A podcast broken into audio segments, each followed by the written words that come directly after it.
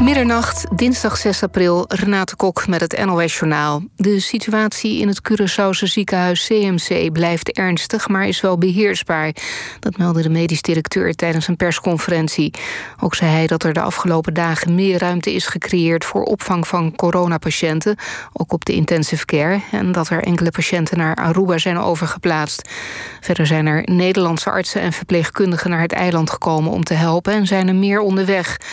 Curaçao wil de bevolking ook sneller gaan vaccineren... zodat aan het einde van deze maand iedereen op het eiland... zijn eerste vaccinatie tegen het coronavirus heeft gehad. De zorg voor jongeren met ernstige psychische problemen is vastgelopen. Kinderen vanaf 12 jaar met depressies, eetstoornissen en zelfmoordneigingen krijgen niet de hulp die ze nodig hebben, meldt Nieuwsuur. De inspectie Gezondheidszorg en Jeugd zegt dat de wachtlijsten kunnen oplopen tot één jaar.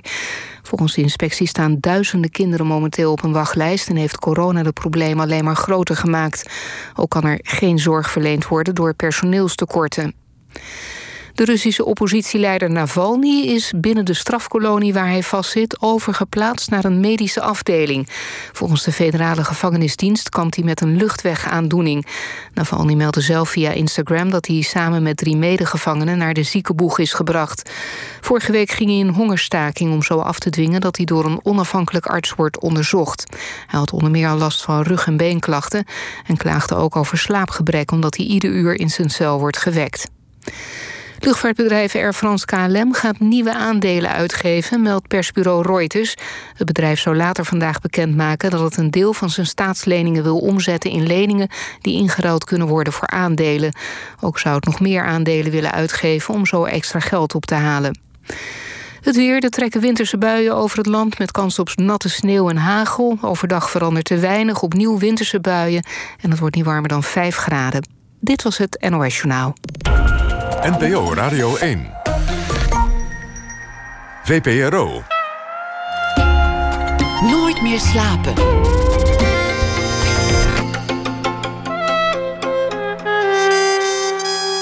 Met Pieter van der Wielen.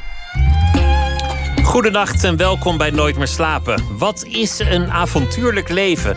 Tegenwoordig heet het al uh, onbezuist en doldriest als je een middag in het park ligt. Maar wat ik bedoel is groots en meeslepend leven. Leef je bijvoorbeeld avontuurlijk als je elke dag gaat bungee jumpen, maar vervolgens terugdeinst voor de liefde? Mijn gast die is fulltime avonturier, heeft daar een boek over geschreven. Ze heet Tamer Valkenier en zij verruilde ooit een veilige baan en reist sindsdien alleen nog door de wildernis. Dat doet ze in haar eentje. Zo trok ze over de Mongoolse steppen met een kameel. Ze at maden in een bos, want ze had honger. En ze sliep alleen in een tentje omringd door wolven. Ieder zijn ding natuurlijk. En iedereen moet zijn eigen pad vinden. En Tamer Valkenier die volgt haar eigen pad zonder al te veel compromissen. Dat op zich is al bewonderenswaardig. Niet dat iedereen die avontuurlijk wil leven meteen over de steppen moet op een kameel. Want voor je het weet moet je dan zo'n Mongoolse kameel ook weer weken van tevoren reserveren. En accepteert de Mongoolse kamelenverhuur ook gewoon weer ideal. Misschien is dat trouwens al zo, dat weet ik allemaal niet. Het volgende project van Tamar, dat is een uh, nooit eerder gemaakte schaatstocht door Zuid-Rusland over een bevroren meer. Tamer Valkenier, geboren 1986. Welkom, uh, Tamer. Dankjewel, Pieter. Mooie opzomming heb je ervan gemaakt. Ja, zullen we gewoon eens beginnen met zo'n zo'n horrormoment? Zo'n moment dat je, er, dat je er doorheen zit en, en dat je denkt: God, waar, waarom doe ik dit eigenlijk? Ja, lekkere binnenkomer. Ja, dat je, want, want die moeten er natuurlijk zijn. Dat je, dat je gewoon denkt: Goh, ja, ik heb al drie dagen niet gegeten. Ik ben omringd door wolven. En, uh, of, of dat je maden eet of zo. Of, of dat het gevaarlijk wordt. Ja. Wat, wat schiet je te binnen? Ja, uh, ik denk dat je, dat je doelt op een, uh, op een moment in Nieuw-Zeeland... waar ik drie maanden door het Hooggebergte trok... samen met Mirjam Lenswood, andere avontuurlijke Hollandse dame. En we gingen drie maanden die bergen in uh, zonder eten. Alleen maar met een geweer en een vishengel. En kijken of je van het land kunt leven. Is dat überhaupt mogelijk? En kunnen wij dat als twee kleine meisjes van 1,70 meter en 85, of 58 kilo's... Dus dat hebben we geprobeerd. En uh, nou ja, ik ben hier om het na te vertellen. Dus dat is wel redelijk gelukt. Maar er zijn natuurlijk hele moeilijke momenten geweest op die tocht.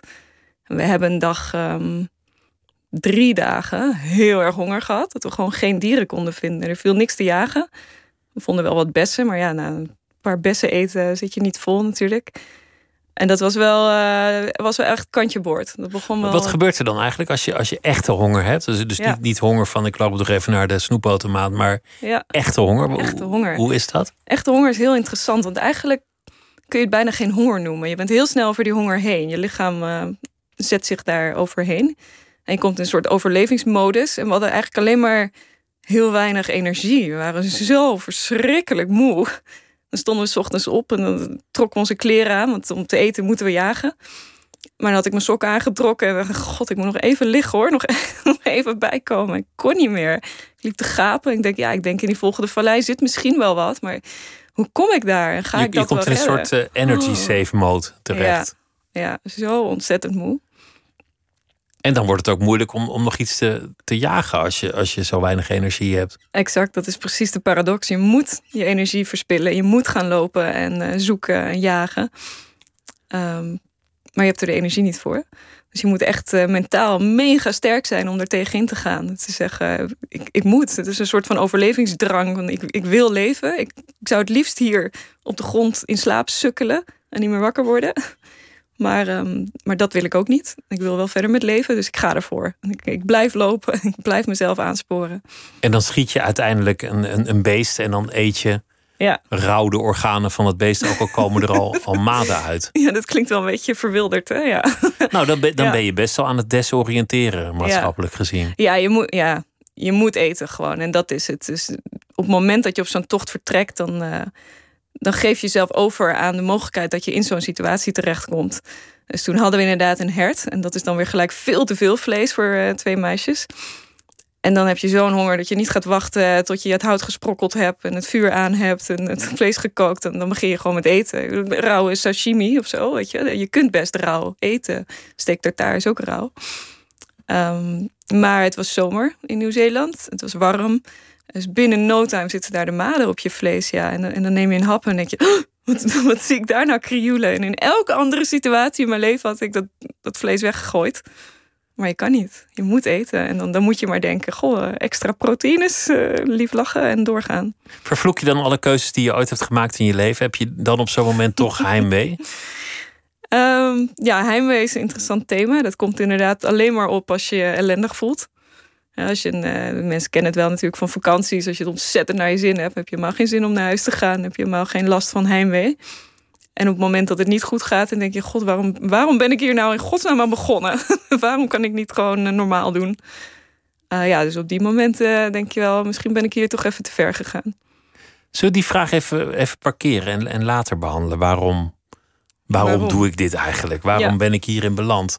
Je, je, noemt steak tartaar, dat is ook rauw. Ja eet ik toch liever dan een rauw hertenhart, maar, maar goed. maar dat, jij bent eigenlijk chef geweest ook, al heel jong. Stond je in de keuken van toprestaurants. Ja.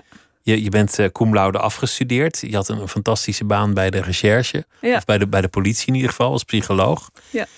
En je hebt dat hele bestaan ingeruild voor een avontuurlijker leven. Ja. Maar je schrijft dat je eigenlijk toen je jong was juist enorme angststoornissen had. Ja. Waar zijn die gebleven? Ja, die zijn, uh, ja, waar zijn die gebleven? Die, dat, dat is um, een goede vraag. Ik vraag me ook wel eens af, zitten die nog in mij? Of ben ik die echt uh, kwijtgeraakt onderweg? Heb ik die afgeschud? Als kind heb ik heel veel nachtmerries gehad, maar dat werden angststoornissen. Ik, durfde geen lift in. Ik durfde niet met de bus. Uh, claustrofobisch heel erg. Uh, ik begon uh, paniekaanvallen te ontwikkelen. Dus niet eens ergens op gericht. Gewoon zomaar uit het niks. Uh, kneep mijn borst samen. En dacht ik dat ik niet kon ademen. En dan viel ik flauw. En ik heb zo vaak echt gedacht dat ik dood ging. zonder aanleiding. Ik kon er echt flauw vallen van pure angst voor iets wat, wat niet aanwijsbaar was op dat ja. moment. Ja. Ja, het is eh, volstrekt onverklaarbaar. En mijn brein zei, joh, doe normaal, er is niks aan de hand. Op een gegeven moment heb je alles gecheckt, bij de, bij de cardioloog geweest... en heb je bloedonderzoek gedaan en alle doktoren zeggen... nee, je bent kerngezond. En toch voel je dat. En toch um, krijg ik opeens uh, klamme handen, begin ik te zweten... en uh, kan ik niet meer ademen. Uh, dat, ja, dat is een hele rare gewaarwording. Totale paniek. Totale paniek. En dat kon zomaar overal ontstaan. En dat, dat begon mij echt wat te beperken in het leven. Dat ik dingen niet meer durfde. Dat ik niet meer ging. dat ik dan maar thuis bleef. Eh, dat ik dan maar eh, met de trap uh, naar de twintigste verdieping liep. En toen dacht ik, oh, dit, dit, gaat niet goed. Dit gaat niet de goede kant op. Hoe, hoe kan ik hiermee omgaan? Het is eigenlijk het andere uiterste van hoe je bent gaan leven, zit ook in jou. Ja.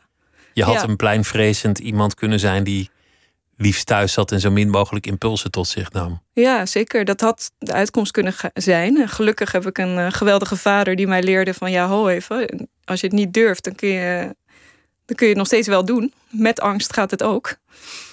En dat, eh, dat advies ben ik gaan opvolgen. En ik ben gaan proberen stapje voor stapje die angsten te overwinnen.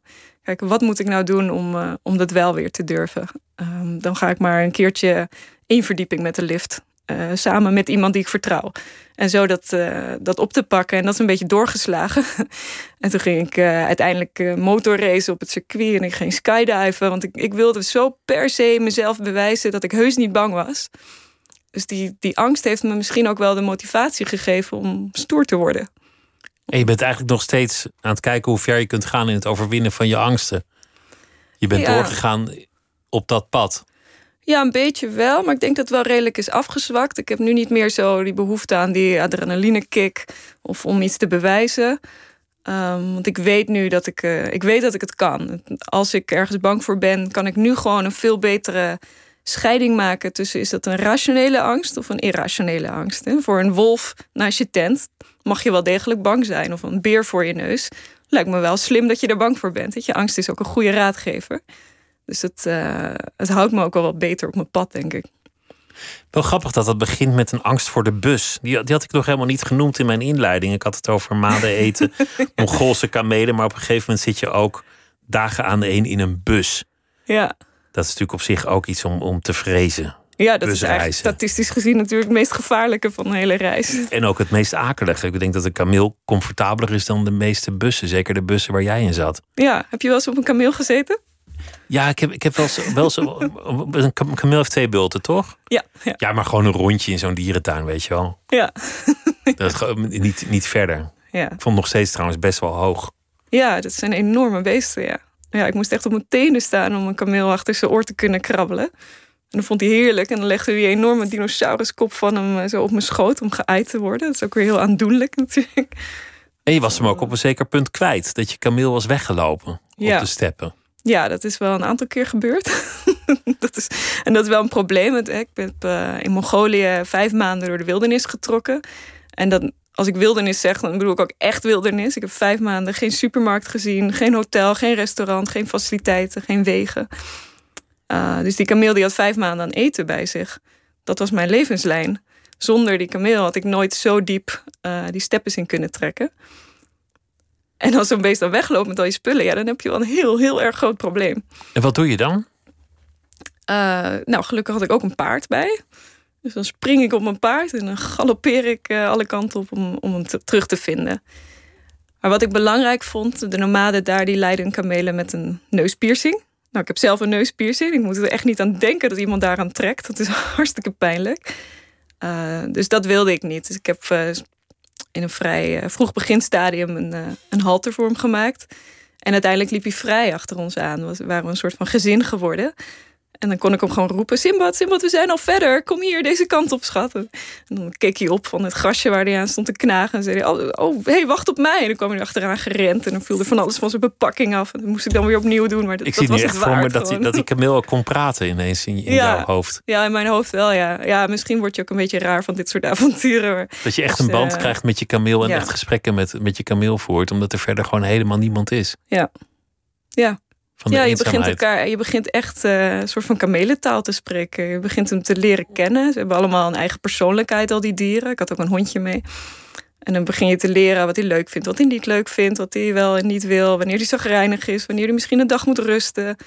Dus ja, je begint wel echt een eh, band op te bouwen. Ook de kameel redde jouw leven, want die vond het water op een zeker ogenblik toen er schaarste aan was. Ja, En zonder water, kijk, zonder eten kan je het misschien wel een paar dagen volhouden, maar zonder water wordt het echt heel lastig. ja, wordt het heel lastig. Ja, dat was wel eh, heel klassiek natuurlijk, de kameel die water vindt. Maar ik kon het toch niet helemaal geloven. Ik had op de kaart gezien dat er een groot meer was. En we hadden de gok gemaakt om een paar dagen over de droge woestijnsteppen naar dat meer toe te lopen. Maar toen we daar aankwamen, bleek dat het meer zout water had. Wie verzint dat? In West-Mongolië, verder van de oceaan kun je niet zijn. Zout water had ik nooit meer nagedacht dat dat een optie zou kunnen zijn. Dus daar schrok ik natuurlijk enorm van. De kameel die probeerde daarvan te drinken, die spuugde dat gelijk weer uit. En toen ging je er vandoor. En toen dacht ik, ja, dit is echt niet het moment om nu weg te lopen, Simbad. We moeten nu echt verder om nomaden te vinden, om water te vinden. We kunnen niet, nu, niet, nu geen geintjes hier komen. Maar hij ging er vandoor en hij ging steeds harder lopen. En ik erachteraan gegalopeerd met mijn paard. En ik kwam over een heuveltje. En, en toen zag ik hem staan. Stond hij daar uit een beekje vers water te drinken. Hij heeft, hij heeft ons gewoon gered. Dat is ongelooflijk. Hoe, hoe dit allemaal begonnen is. Want je, je had dus een goede baan. Alles ging goed. Je deed werk dat je leuk vond. Ja. En je besloot van, ja, dit, dit is gewoon niet mijn leven. Dit is gewoon niet hoe ik het leven wil leven. Ja. Besloot je toen al meteen, ik word avonturier? Of wat, wat was eigenlijk de gedachte? nee, of, of begon het als een sabbatical? Ja, zo stoer was ik ook weer niet. Nee, ik had nooit gedacht dat ik dit soort dingen zou doen. Ehm, ja, ik had een hele leuke baan uh, bij de Nationale Politie als recherchepsycholoog. Waar ik uh, elke dag aan moord- en zedenzaken mocht werken, bedreigingen. Vond ik heel erg interessant. En mijn baas was ook heel faciliterend, dat ik allerlei opleidingen mocht volgen. Ik en wat deed zomer... je dan? Daderprofielen bijvoorbeeld? Ja, onder andere daderprofielen. Ik kon kijken um, of een aangifte van een verkrachting waarheidsgetrouw was of niet. Ik ondersteunde verhoren. We hebben een psychotische verdachte opgepakt daar, maar kun je kun je komen ondersteunen? Nou, dan ging de politie vertellen, wat is een psychose? Wat kun je daarbij verwachten? Wat kun je bij deze persoon verwachten? Hoe moet je iemand verhoren uh, op een manier dat je de waarheid boven tafel krijgt en niet alleen maar een bekentenis? wat kun je dan nog meer onderzoeken? Dus er ging zo'n heel dossier helemaal uitpluizen van begin tot eind. Dus dat was machtig interessant. Um, dus ik had heel erg naar mijn zin. Ik, uh, dat was echt uh, de droombaan. Ik dacht, oh, als ik later groot ben en veel ervaring heb opgedaan, dan wil ik daar werken. En ik kreeg die, die baan al toen ik 24 was. Mocht ik daar al beginnen. Uh, dus dat was, dat was een waanzinnig cadeau. Maar na drieënhalf jaar um, brak ik mijn voet met skydiven. En toen zat ik dus letterlijk een paar weken stil op de bank. Ik kon niet bewegen. Uh, ik was een heel druk bezig bijtje altijd. Ik vind alles interessant. Dus ik was aan het werken en uh, lezingen aan het volgen. En dus aan het sporten en muziek aan het spelen. En uh, nou ja, van alles. En toen moest ik stilzitten. En toen ben ik gaan nadenken van... joh, is dit het nou? Is dit nou echt het leven wat ik wil? Ik heb het al. Ik ben 24. Ik heb een, een eigen huis. Ik heb een vaste relatie. Ik heb een mooie baan. Ik heb een toffe motor. Ik ga op gave vakanties. Helemaal gemaakt. Plaatje rond. Maar ja, het vooruitzicht dat dat dan je hele leven zo blijft. Ik wist al precies wanneer ik met pensioen zou mogen, wanneer ik met uh, langer verlof kon, uh, hoeveel ik zou verdienen. het was helemaal uitgestippeld en daar kreeg ik het opeens zo benauwd van. Je bestaan was al geleefd voordat jij het geleefd had. Ja, je hoeft het alleen nog maar in goed. te vullen. Ja, ik hoef het alleen nog maar te doen. Ja. Dat is een beetje hoe, hoe het kan gaan. Hè? Dan zit je Ja. bij een hypotheekadviseur en dan heeft hij zo'n schemaatje voor je. Hier ga je met pensioen, hier is het afbetaald. Het enige wat nog Oh. ontbreekt is een kruisje wanneer je eraan gaat. Ja. Ja, en waag het niet om dan al dood te gaan, want je moet eerst je hypotheek afbetalen. Dus, dus dat benauwde je. Maar was toen je plan een ander leven? Of, of was je plan gewoon even eruit? Hoe zag Ja. je het voor je? Ja, ik, ik dacht, ehm, ik wil een jaar weg. Dat was toen de gedachte. Ik wil een jaar even er helemaal uitstappen. En van een afstandje het allemaal opnieuw bezien. Is dit inderdaad wat ik wil? Waarschijnlijk wel. Ik dacht, ik kom vast over een paar weken of hooguit maanden terug. En denk ik, ik had het zo goed in Nederland. Ik ga weer lekker aan het werk. Ik heb er zin in. Maar ik wilde wel even die tijd nemen om stil te staan bij het leven. En te onderzoeken van wat kan er nog meer? En hoe kan het anders? Uh, ik had, doordat ik zo ambitieus uh, aan het werk was gegaan als uh, kok en, en daarnaast twee studies volgde, allemaal fulltime, had ik gewoon weinig tijd daarvoor gehad om, om echt veel te reizen, lang te reizen. Ik dacht, ik ga gewoon een jaar eens even kijken wat, wat er nog meer is. Dus ik stapte bij mijn uh, teamleider naar binnen en ik vroeg een jaar vrij. En dan kwam een week later terug, uh, nou Tamer, ik heb goed nieuws voor je. Je mag zes maanden met verlof. en toen dacht ik, oh, ik voelde echt de grond onder mijn voeten wegzakken. Zes maanden? Dat was een enorme teleurstelling voor jou. Ontzettend, ja. Want ik dacht, dan is het eigenlijk gewoon een lange vakantie. Dan hoor je de hele tijd het klokje tikken. TikTok, u heeft nog vier maanden en drie dagen. TikTok, u heeft nog uh, één maand en uh, drie weken. TikTok, u mag weer aan het werk. Einde verhaal. Uh, dus dat was niet die vrijheid die ik zocht om echt even het leven binnenstebuiten te keren en ondersteboven te houden. Te kijken wat er nog meer in zat. En toen heb ik gewoon Terwijl zes maanden is op zich al best veel. Ik bedoel, ik, ken, ik ken bazen waar ze zeggen: Ik heb goed nieuws, je, je kan drie dagen vrij krijgen. Ja. Die bestaan ook. Zeker, ja. En ik denk altijd aan die arme mensen in Amerika die maar twee weken per jaar op vakantie mogen. Oh, dat lijkt me zo'n ongezond bestaan. Maar als, als zes maanden al als te weinig voelt, dan weet je eigenlijk al dat, dat het misschien daar niet meer zit. Ja, nee, ja, dat wist ik niet. Maar ik wist wel dat ik tijd nodig zou hebben om los te komen van dit bestaan. En, uh, en het allemaal eens even opnieuw te herzien. En dat is een hele goede keuze geweest achteraf. dit je heeft begon, al maanden uh, geduurd. Je begon op een fiets. En, en, en dan komt een interessant moment. Want je, je wilde expres niet zo'n zo'n dure. Nee. Je, wil, je wilde niet zo'n fantastische tracking bike. Zoals iedereen die dan koopt. Die, die overal tegen bestendig is. Je wilde eigenlijk nog net geen barrel. Ja, ik wist helemaal niet of ik wel van fietsen hield. Ik had nog nooit uh, meer dan naar de supermarkt gefietst. Dus je wilde je daar niet aan verbinden, aan die fiets? Nee, ook dat is vrijheid. Hè? Dat je niet vastzit aan je te dure fiets? Ja, ik dacht als dat nou helemaal niks is, misschien kan ik wel helemaal niet fietsen. Dan uh, gooi ik hem gewoon in de bosjes en dan ga ik iets anders doen. Dus dat plan moest ook een beetje los zijn? Ja. En je had ook niet te veel van een plan gemaakt. Dus ook niet zoals mensen die dan, dan op reis gaan en dan gaan ze fietsen naar Kazachstan en dan, dan hebben ze elke dag al helemaal uitgestippeld. Ja. Van dan zijn we om twaalf uur hier en dan om half één daar. Ja, ja, Ook dat is geen vrijheid. Nee, daar beperk je toch enorm mee. Want er kan onderweg van alles gebeuren. Je kunt mensen ontmoeten, je leert weer nieuwe verhalen. Uh, ja, dan ben je niet vrij inderdaad om weer uh, van, van pad te wisselen. En dat, uh, dat wilde ik nou juist wel. Dus ik had geen route, geen kaart. En iedereen vroeg natuurlijk, waar ga je dan heen? Ja, weet ik niet. En hoe lang blijf je weg? Ja, weet ik niet. En wat ga je daarna doen? Ja, weet ik niet. Dat je de meest simpele vraag in het leven had ik geen antwoord meer op opeens. Opeens was alles, stond alles op losse schroeven. Wat deed dat? Wat veranderde dat als je geen plan meer hebt? Ja, in het begin heel beangstigend natuurlijk. Want je houdt je toch vast aan een soort van identiteit die je zelf gecreëerd hebt. Ik ben recherchepsycholoog. De eerste vraag is: wat doe je in het leven? Nou, ik ben recherchepsycholoog. Nou, dat is een heel bevredigend antwoord. Goh, vertel eens verder. Um, maar dat had ik niet meer. Ik was niet meer recherchepsycholoog, ik was niet meer kok, ik was niet meer motorrijder. Wat ben, wat ben ik eigenlijk en wie ben ik eigenlijk? Had ik helemaal geen antwoord meer op. Dus dat is, dat is heel spannend en dat is heel eng. En daar heb ik ook heel lang mee geworsteld. Van, joh, moet ik niet gewoon teruggaan naar huis? Uh, ik had het toch zo goed. Uh, waar, waar is het nou allemaal voor nodig? Maar het was ook een soort van drang die, waar ik gewoon geen weerstand aan kon bieden. Ik moest. Ik moest het proberen en kijken wat het allemaal met me deed. Een soort filosofische zoektocht naar de zin van het leven. Inmiddels zou je zeggen, ik ben avonturier of ik ben nomade. Ja, nu of kan ik, ik ben dat reiziger. Zeggen. Ja. Iets, iets in die trant. Dus, Ja. dus je hebt daar toch wel weer een antwoord op gevonden. En vanaf morgen, overmorgen, kan ik zeggen, ik ben schrijver. Als je boek in de winkel ligt. Ja, moet ik nog even aan wennen. Maar ja, dus er is, al, er is inmiddels wel een antwoord. Maar ik kan me ook heel goed voorstellen dat, ik, eh, dat er een moment komt dat ik eh, niet meer dit leven leid. Dat ik toch wel weer een plekje ergens zoek. Dat ik iets anders ga doen. Dus ik wil me daar ook niet te veel aan vastklampen. Want dan gaan mensen. dan creëer je verwachtingen. Wat doet de avonturier nu? Fulltime avonturier leg ik best wel een, eh, sticker op mijn eigen hoofd. dat mensen denken: joh, waar, waar is de fulltime avonturier nu? En als ik dan niet iets avontuurlijks doe, nou, dan, eh, dan zijn we allemaal van slag. Je zou wel kunnen zeggen, als je die, die lijn van al jouw reizen volgt, dat het steeds extremer wordt. Dat er een soort verslavend, overbiedend element in zit. Fietsen naar Italië, dat valt nog wel mee in mate van exotisch zijn. Door de Balkan wordt al iets exotischer. En vervolgens, je bent naar Australië gegaan. Eh, Daarna op een kameel over de steppen. Dat wordt al wat extremer.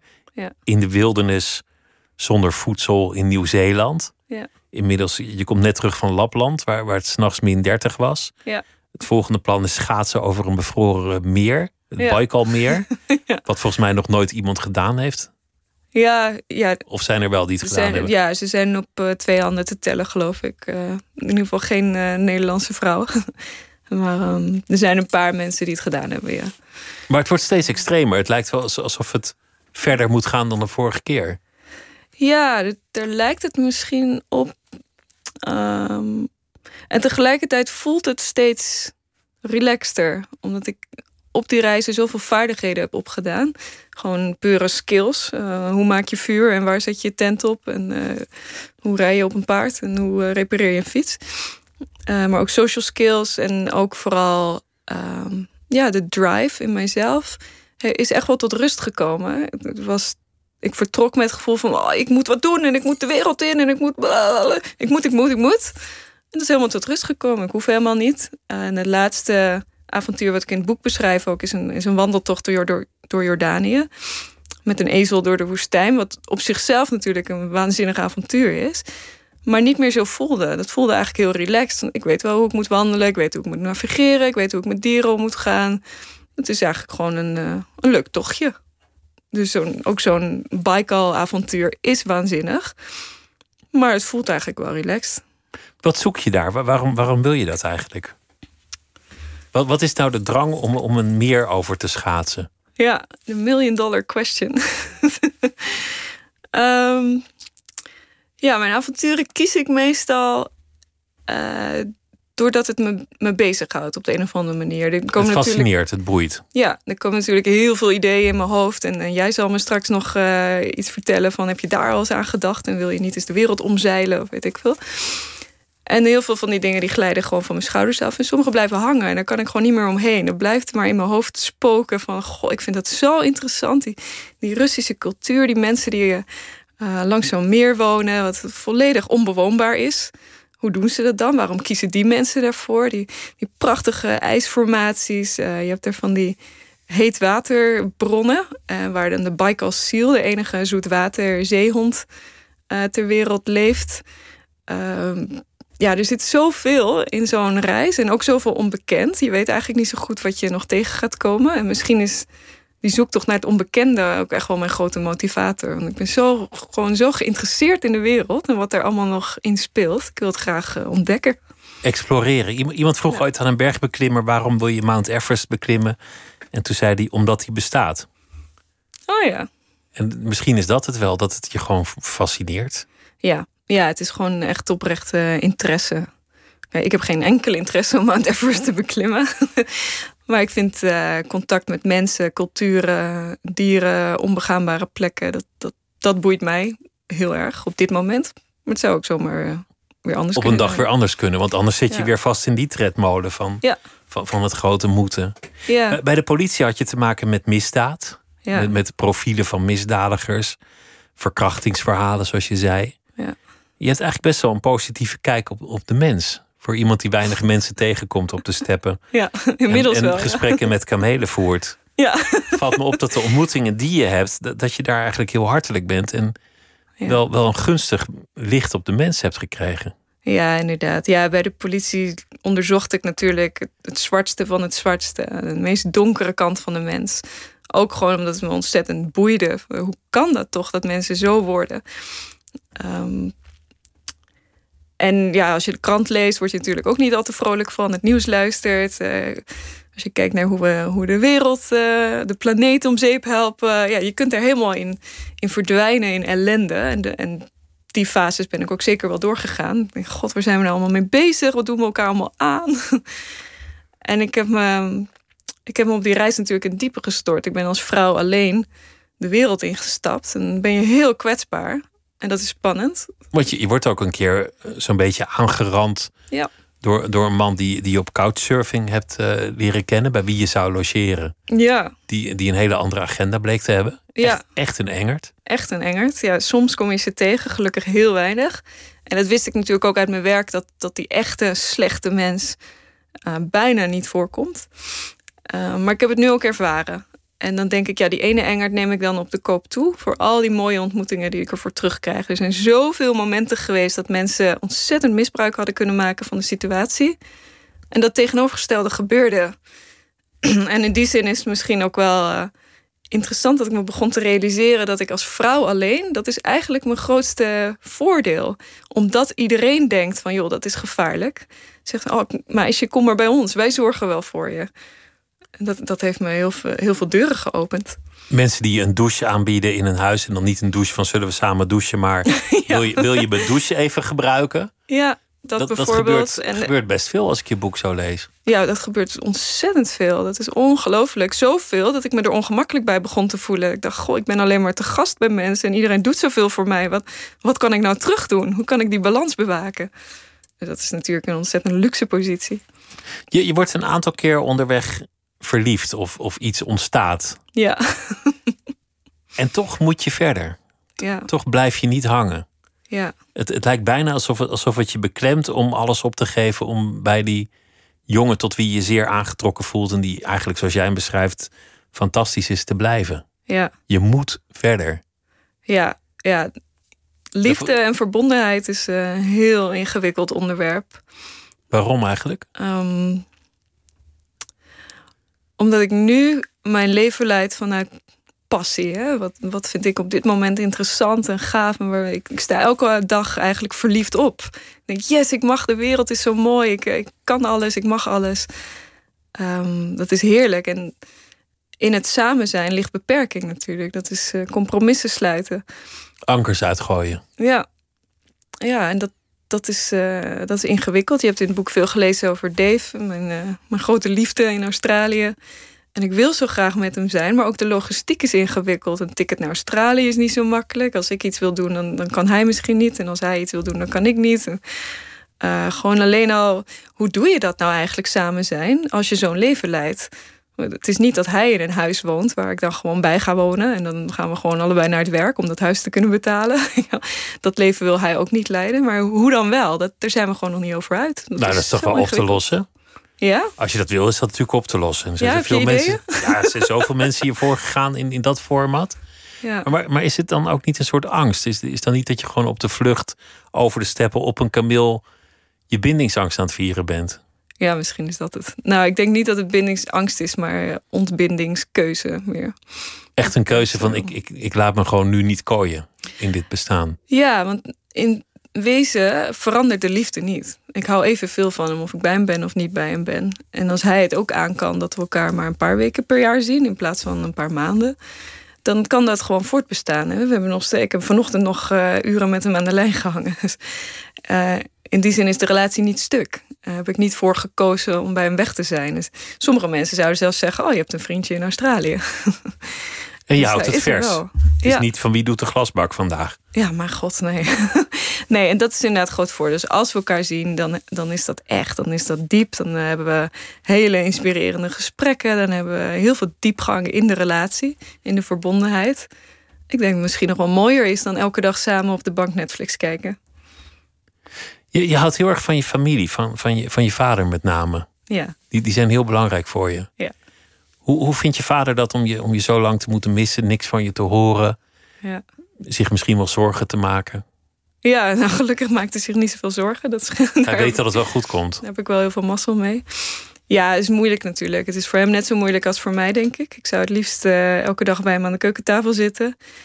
Uh, of hem bij mij hebben. En hij heeft me ook al een aantal keer opgezocht. Hij is drie maanden in Australië geweest. Waanzinnig lang. Um, dat is een uh, constant, dat is echt mijn, uh, mijn pijnpunt. Een constante. Die familie, dat je, ja. dat je ze dat aandoet als je het zo moet zien. Ja, dat ik denk, goh, ik zou toch eigenlijk bij ze willen zijn. Mijn vader wordt ook ouder. Zou ik dan niet meer tijd met hem door moeten brengen? Um, maar ik moet ook mijn eigen pad volgen. Ik kan niet 365 dagen per jaar bij mijn vader in huis zitten, omdat ik zo graag bij hem ben. En waar ligt die balans dan? Dat is wel lastig. En ik ben de laatste jaren wel vaker naar huis gekomen. Uh, zodra ik ergens wifi vind, dan bel ik hem natuurlijk meteen. Uh, dus dat, ja, dat is een hele ingewikkelde. Van hoe, in hoeverre zet je je eigen leven opzij voor de ander? In, beide kanten op. Het is niet zo makkelijk om daar een antwoord op te vinden mensen moeten ook, ook de volledige versie van jou krijgen. Dus als dit echt bij jou hoort, ja. dan moeten ze dat accepteren. Ja, jouw moeder heb je niet zoveel contact mee. Die, die is er ja. vandoor gegaan om een ander leven te leiden in een ander land, in een ja. dorpje ver van, van alles en iedereen vandaan. Ja. Dat, dat lijkt in zekere zin een beetje op, op, op jouw levenspad. Ja, ja, dat is grappig. Hè? Ja, die woont nu in een uh, dorpje in Zuid-Frankrijk met, uh, ik geloof, 31 inwoners of zoiets. uh, heel rustig bestaan. En dat lijkt me dodelijk saai. Maar, maar wel ver weg van de mensen. Wat, wat uiteindelijk misschien wel toch jouw motief is om, om weg van de samenleving te zijn. Oh ja, oké, dat is een interessante kijk. Want, ehm, ja, ik ben veel in de wildernis.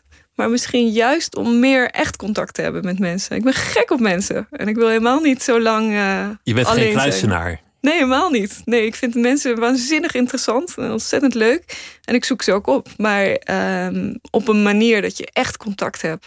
je weet wel dat je op reis vaak gewoon betere gesprekken hebt dan uh, met je vrienden op vrijdagavond in de kroeg. Um, en de connecties die je maakt op reis zijn soms zo onvoorwaardelijk en, uh, en bijzonder.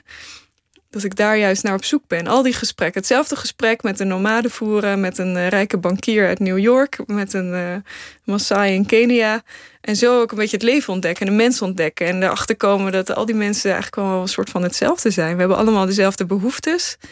En ik heb inmiddels zo'n relatie met zo'n adelaarsjagersfamilie in uh, Mongolië. Die totaal andere wereld leven en een totaal ander leven leiden. Maar daar heb ik ontzettend warme band mee. Een hele goede klik mee. En dat vind ik zo bijzonder dat dat kan. Dus, dus het idee is eigenlijk dat het wezenlijker wordt als je op reis bent? Ja, voor mij wel. Ja. Hoe, hoe, kan dat? Hoe, hoe komt dat? Omdat je aan de sleur ontsnapt. Dat is het. Dingen zijn intentioneel.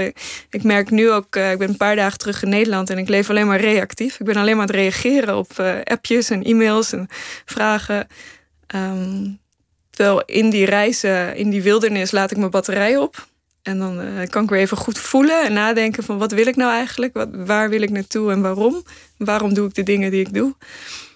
En dan ga ik daarvoor. En dan kan ik echt helemaal die passie uh, volgen. Dus je doet het ook een beetje om thuis te komen, zodat je, zodat je de plek waar je begon anders zult zien omdat jij weg bent geweest. Ja, ja, absoluut. Ja. Je hebt ook een, een grappige houding ten aanzien van bezit je, je wilde niet de mooie, dure nieuwe fiets. Je, je, je, wil eigenlijk ook niet een baan. Want als je een baan hebt, dan moet je misschien wel een auto hebben om er te komen. Of een OV-kaart. Ja. En als je een OV-kaart hebt, dan wordt dat weer maandelijks afgeschreven. En dan moet je een telefoon. Ja. En de telefoon is ook weer een abonnement. En dat, dat zijn allemaal ankers, touwen, boeien. Een baan is ontzettend duur. ik kan me niet veroorloven om een baan te nemen. Omdat je allemaal vaste lasten zult opbouwen. In, ja, huur betalen, auto, kleren, telefoon. Ja, en dan, dan hou je die baan maar om dat, om dat leven in stand te kunnen houden. En denk je, ja, waar doe ik het nou eigenlijk voor? En nu um, komt er niet meer elke maand geld binnen. Waarvan ik daarna denk, waar zal ik het eens aan uitgeven? Nu is het andersom. Nu denk ik, oh, ik wil echt heel graag bijvoorbeeld het Baikalmeer overschaatsen. Hoeveel kost dat? Hoeveel moet ik daarvoor werken en is dat, heb ik dat ervoor over? Dat is een hele andere manier van kijken naar geld. En, uh, je kunt met heel weinig geld rond. Ja, ja. Ik heb uh, laatst mijn belastingaangifte nog eens gedaan. Ik heb in 2019 heb ik uh, eh, 1385 euro verdiend in het hele jaar. en daar heb ik een waanzinnig jaar voor gehad. En dat is zo mooi. Ik ben financieel armer dan ooit. Maar ik voel me spiritueel rijker dan ooit. Een heel interessant contrast. Dat, dat is wel interessant om daarover na te denken. Want, want we hadden het over wat is een avontuurlijk leven. Ja. Maar misschien is de vraag eigenlijk anders: van wat is een waardevol leven? Ja. Ja. Ja, niet iedereen heeft avontuur nodig om waarde te vinden in het leven. Maar wel intentie, uh, motivatie. Waarvoor kom jij nou je bed uit ochtends? We hadden net over de vraag in het voorgesprek: eh, wat zou je doen als je niet hoeft te werken? Hoe ziet het leven er dan uit? En dat heb ik gecreëerd voor mezelf. Ik hoef zo goed als niet te werken. Nou, dan heb ik wel een heel erg gaaf leven. Wat ik vooraf niet had kunnen bedenken dat, het, uh, dat dit zou kunnen allemaal. Ik, ik kan van mezelf niet zeggen dat ik avontuurlijk leef. Maar ik, ik weet eigenlijk niet wat avontuurlijk leven is. Nee. Je, zou, je zou ook kunnen zeggen dat, dat het grootbrengen van kinderen of het aangaan van relaties, dat dat, dat echt wezenlijke avonturen zijn. Omdat je daarin kwetsbaar bent. Tegelijk zit je dan in het meest burgerlijke wat iedereen doet. Ja. Baby's krijgen. Maar misschien is het wel een groter avontuur dan met een kameel over de steppen jagen. Tuurlijk, een avontuur is voor iedereen iets totaal anders. Ik denk dat een grote factor binnen avontuur is gewoon onzekerheid. Durf die onzekerheid tegemoet te gaan. Kinderen nemen is de grootste onzekerheid die je maar kunt uh, hebben. Ja, je weet nooit wat er tevoorschijn komt. Nee, nee en hoe dat gaat lopen, uh, wat, het, uh, wat het met zich meebrengt. Dat is een waanzinnig avontuur. ik zag laatst op Facebook iemand zeggen: Ik heb een nieuw huis gekocht. Ik ben klaar voor een nieuw avontuur. En ik, ik dacht gelijk, nou, een huis kopen is voor mij het tegenovergestelde van avontuur. Maar voor iemand anders kan dat heel avontuurlijk zijn. Iedereen moet zijn weg gaan. Heb, heb je je veel moeten verdedigen? Zijn er veel mensen geweest die je er vanaf wilden praten of die, die op je in gingen hakken? Ja, van tevoren zeker. Omdat ik natuurlijk een heel prachtig bestaan opgaf. Wat, wat iedereen zou willen leiden. Iedereen dacht, jeetje, je hebt het gemaakt, maar wat geef je nou op en waarom? En waar ren je voor weg? Vooral die vraag. Dacht ik, ja, ik ren eigenlijk nergens voor weg. Ik heb prima naar mijn zin, maar ik ren nergens naartoe. Um, dus dat was een hele lastige. En ook tegenover mezelf. Wat, wat geef ik nou inderdaad op? En is dat wel zo'n slimme keus? Uh, je moet toch denken aan je toekomst? nou, daar denk ik geen seconde meer over na. Nee, het, gaat, het gaat je om vrijheid. Ja. Voor, voor wie het inschakelt, Tamer Valkenier zit hier. Die heeft een uh, boek geschreven over haar uh, avonturen. Zij is fulltime avonturier. Een boek over het vinden van, van vrijheid. In, in oudere interviews die ik van je vond, wilde je je achternaam nog niet zeggen. Zei, oh, ja? je, zei je Tamer, naam bij de redactie bekend? Of, of, of je had een andere naam en er stond erachter niet je echte naam. Dus het leek toen zelfs zo alsof je eigenlijk ook gewoon niet wilde bestaan, niet gevonden wilde worden. Ja.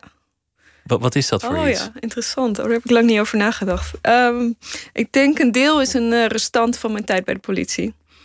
Toen uh, wilden we gewoon anoniem zijn. Uh, ik schreef rapporten over mensenlevens. Ik, uh, sommige mensen kwamen in de gevangenis door mijn uh, rapporten. Ik wilde niet te vinden zijn op het internet, dus dat zat er een beetje in. En dat is aardig gelukt, want over die tijd is niks te vinden. Nee, nee dat is goed gelukt. En daarom staan mijn collega's ook niet op de foto in het boek. Die periode, dat, dat hoeft niet naar buiten te komen. Dat is gewoon gevoelig. Maar er is ook een hele lange periode, zeker in het begin geweest, dat ik het ook wel prettig vond om niemand te zijn in the middle of nowhere. Ik kwam soms in landen, had ik niemand verteld dat ik daar was. Uh, ik wist zelf niet eens wie ik was. En dat vond ik zo'n bijzonder gevoel. Ik dacht van ja, doe ik, dan doe ik dingen dus echt voor mezelf. Niet voor mijn Instagram of uh, omdat ik er later een boek over wil schrijven. Dan, dan ben ik hier omdat ik hier wil zijn. Gewoon een vreemdeling. Echt Niemand weet dat ik hier ben. Ja, Niemand weet dat ik eraan kom. Misschien is het wel een droom. Misschien verzin ik het nu allemaal wel echt. en het is nu pas achteraf dat ik al die verhalen met de wereld mag delen. Dat, dat het ook echt pas echt wordt. Dus dat is in die zin ook wel een cadeau dat ik er nu een boek over mag schrijven. Om het, uh, om het eens te delen wat ik allemaal heb gezien en gehoord en meegemaakt. Maar wat, wat is dat voor verlangen om, om niet gekend te zijn, om niet te bestaan? Dat niemand weet wie je bent. Ja, Um, misschien wel ultieme vrijheid. Hè? Geen gebondenheid, geen verwachtingen. Je hebt altijd verwachtingen van jezelf, wat ik zou horen te doen.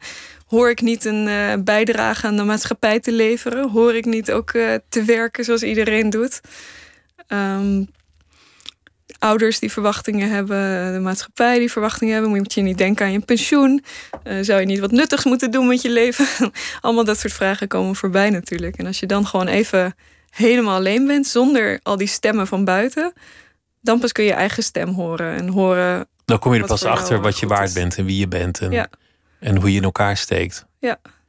We, we leven, ja, zeker met COVID, in een steeds risicomijdender samenleving. Ja. Het devies lijkt wel te zijn: ga je, ga je hele bestaan onder je bed liggen, want misschien gebeurt je wel eens wat. Ja.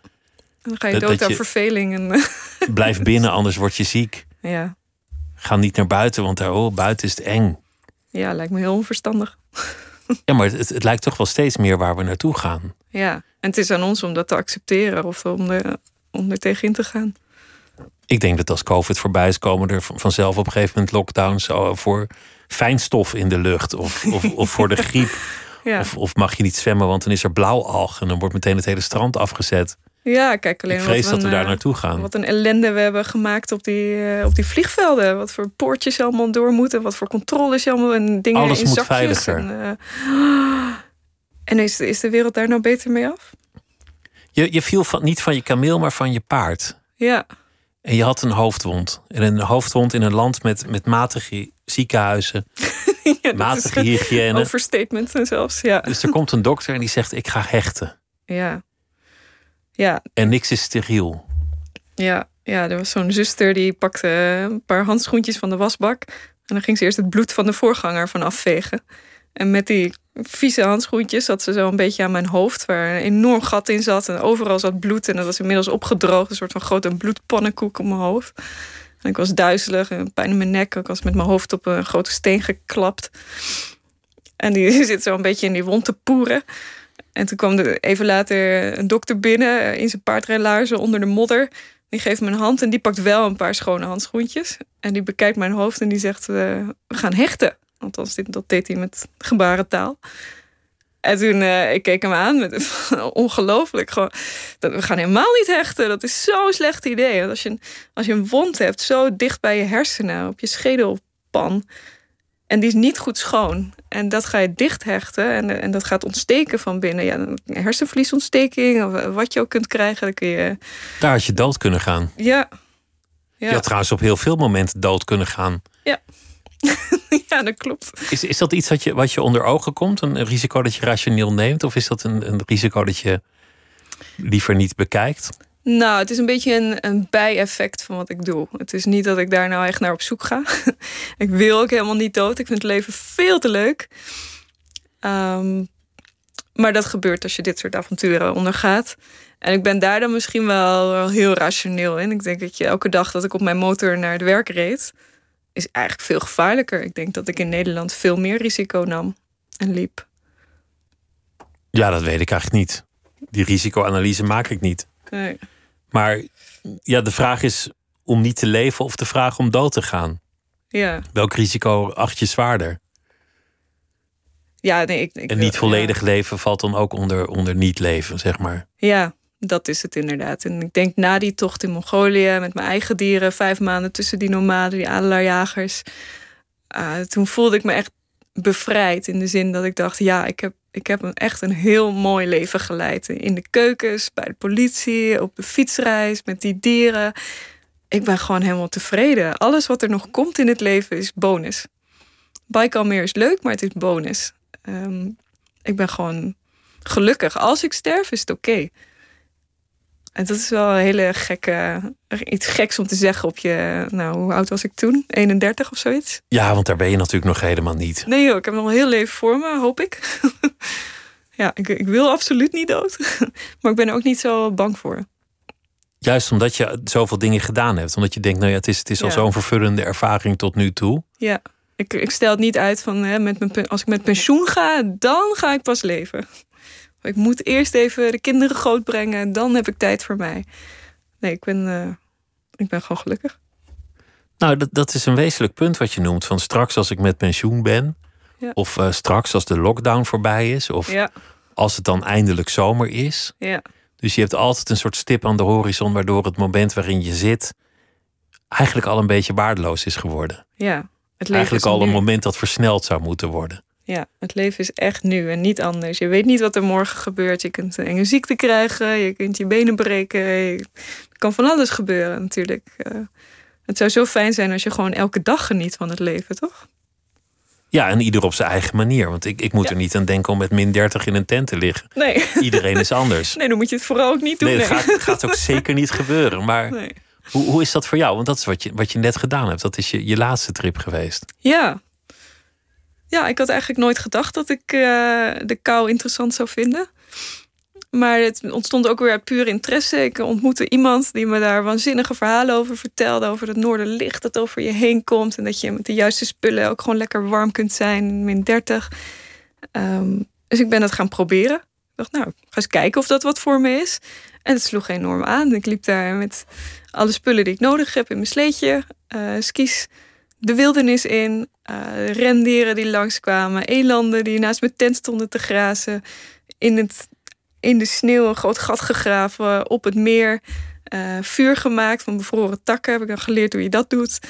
En toen zat ik daar een soort een zijde zalm te roken bij mijn eigen vuurtje. Terwijl het noorderlicht over me heen tekeer ging. En denk ik, wauw, dit is toch te gek dat ik dit mag meemaken.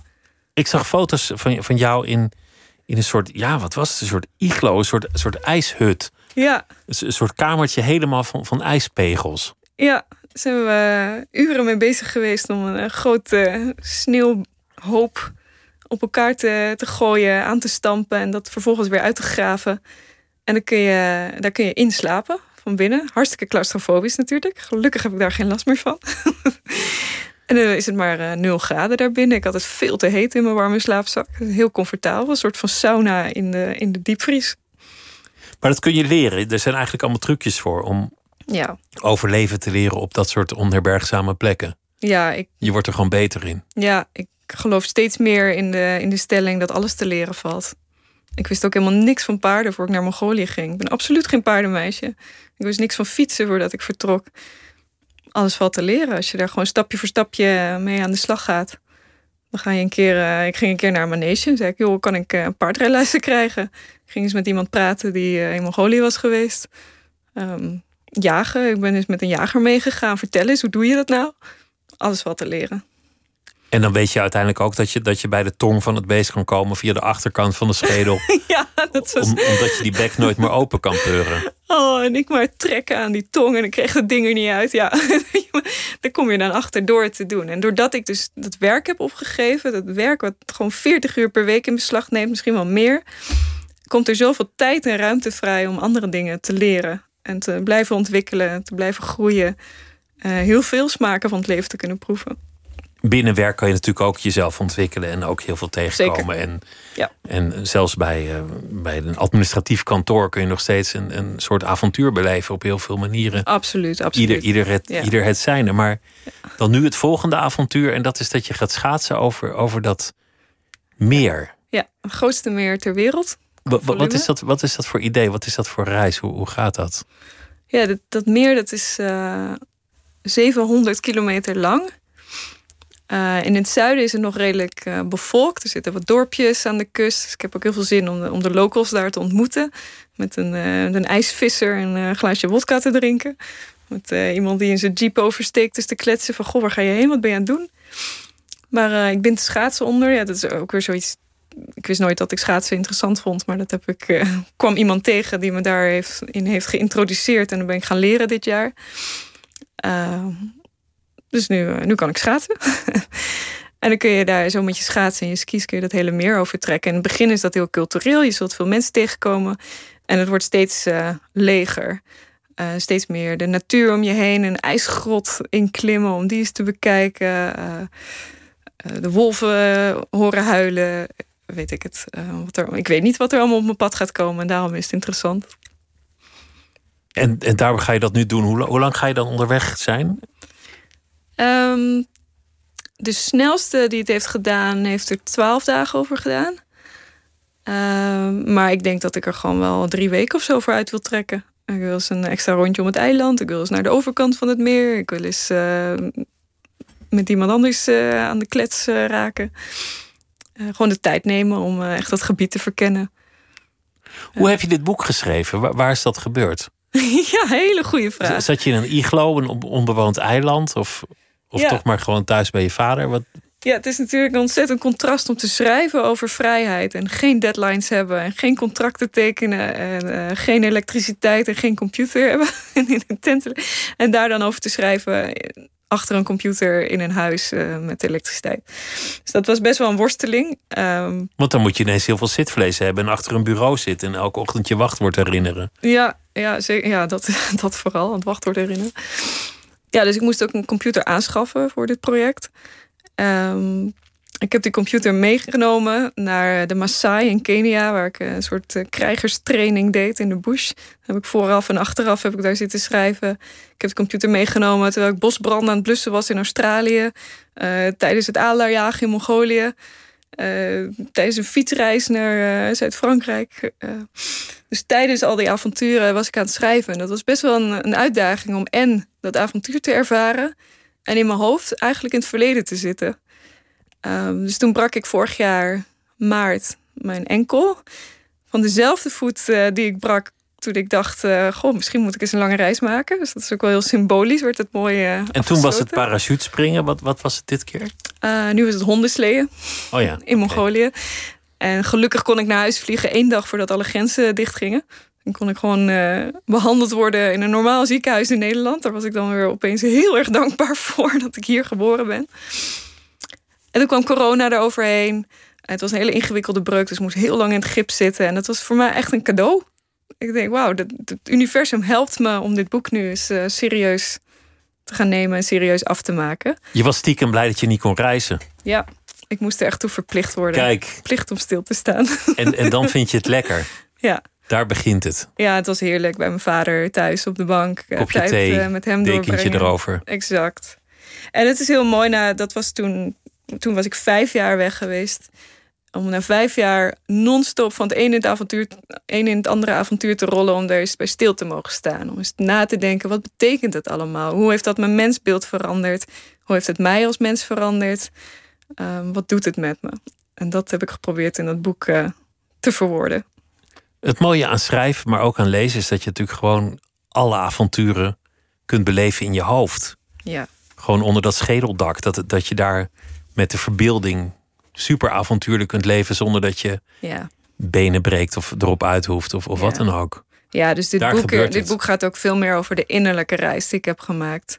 Hoe heeft het me als persoon veranderd? Welke persoonlijke groei en ontwikkeling heb ik doorgemaakt? En de vragen die ik hierin stel, dit zijn vragen voor iedereen. Of je nou avonturier bent of niet. Wat is nou een goed leven? Hoe weet ik nou of ik het juiste aan het doen ben? Hoe kan ik eens ondervinden hoe het ook anders kan? Uh, dat, dat soort vragen. En het niet weten is ook een goed antwoord, uiteindelijk. Misschien is dat wel het ultieme antwoord. Dat je het ook niet weet. De ondertitel van mijn boek is De zoektocht naar ultieme vrijheid. En het, ik zal daar ook nooit een antwoord op vinden. Het blijft een zoektocht. En die zoektocht is juist zo mooi. En die zoektocht, dat is het leven. En ga je nu je boek promoten door Nederland op een kameel?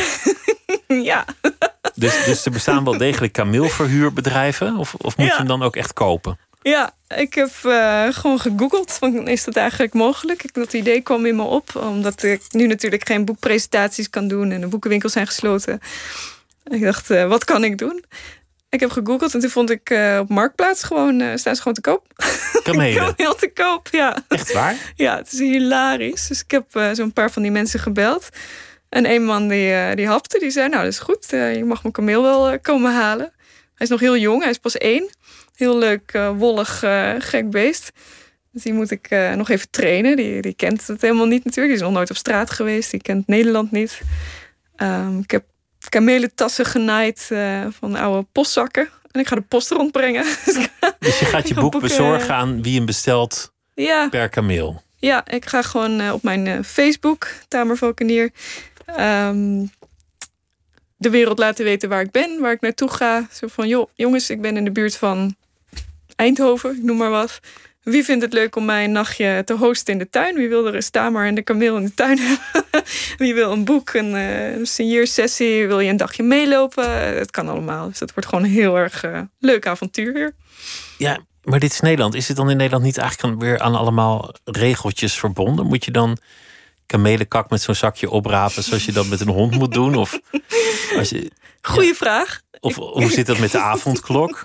Ja, ik heb uh, onderzoek gedaan en ik ben er nog niet helemaal uit, inderdaad. Een mag, hond mag wel, na, mag je na hond tien uur. uitlaten? Mag je ook je kameel uitlaten? Ja. Ja, lijkt me wel. Je kan zo'n kameel toch niet binnenhouden? Ja, dan moet je die mest uh, opruimen. Past dat in zo'n straatprullenbakje? Je kan ik de gemeente vragen om grotere prullenbakken neer te zetten. Uh, allemaal vraagtekens. Niemand heeft natuurlijk ooit eerder gedaan. Dus ik ga gewoon jurisprudentie schrijven. Ik ga, in het land van regels op ja. de kameel. Ja, kom maar op. Ik ben uh, erg geïnteresseerd in, uh, in wat er gaat komen. Wat, wat mag, wat niet mag. En ik, ik denk, dit moet toch kunnen? Mensen gaan ook met paarden door het land. Dus uh, waarom niet? Ja, ik weet het niet. Ik heb toestemming bij natuurkampeerterreinen. En ik ben in gesprek met Campspace. Die gaan me toegang geven tot hun terreinen... waar ik gewoon legaal kan kamperen. We hebben een spookrijder.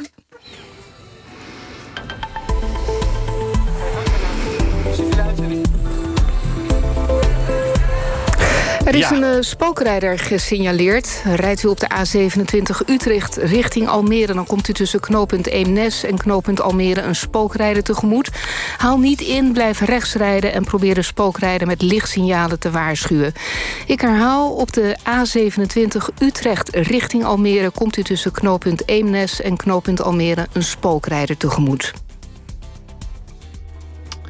Nou, zo kwamen we aan het einde van eh, Nooit meer slapen. Tamer Valkenier, ik wens je heel veel eh, avontuur. En ik eh, wens je ook heel veel plezier op je tocht door Nederland en daarna door Rusland. Te kameel en op de schaatsen. En ik dank dat je langs wilde komen. Het was een genoegen om met je te spreken. Dank je wel. Dank je wel, was fijn. En zometeen Miss Podcast. En morgen dan is wetenschapper Jim Jansen te gast in Nooit meer slapen. Goeienacht, tot morgen.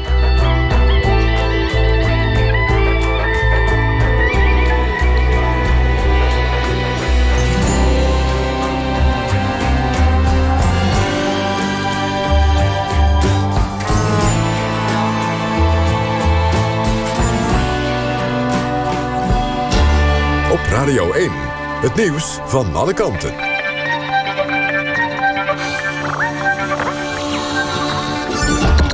NPO Radio 1.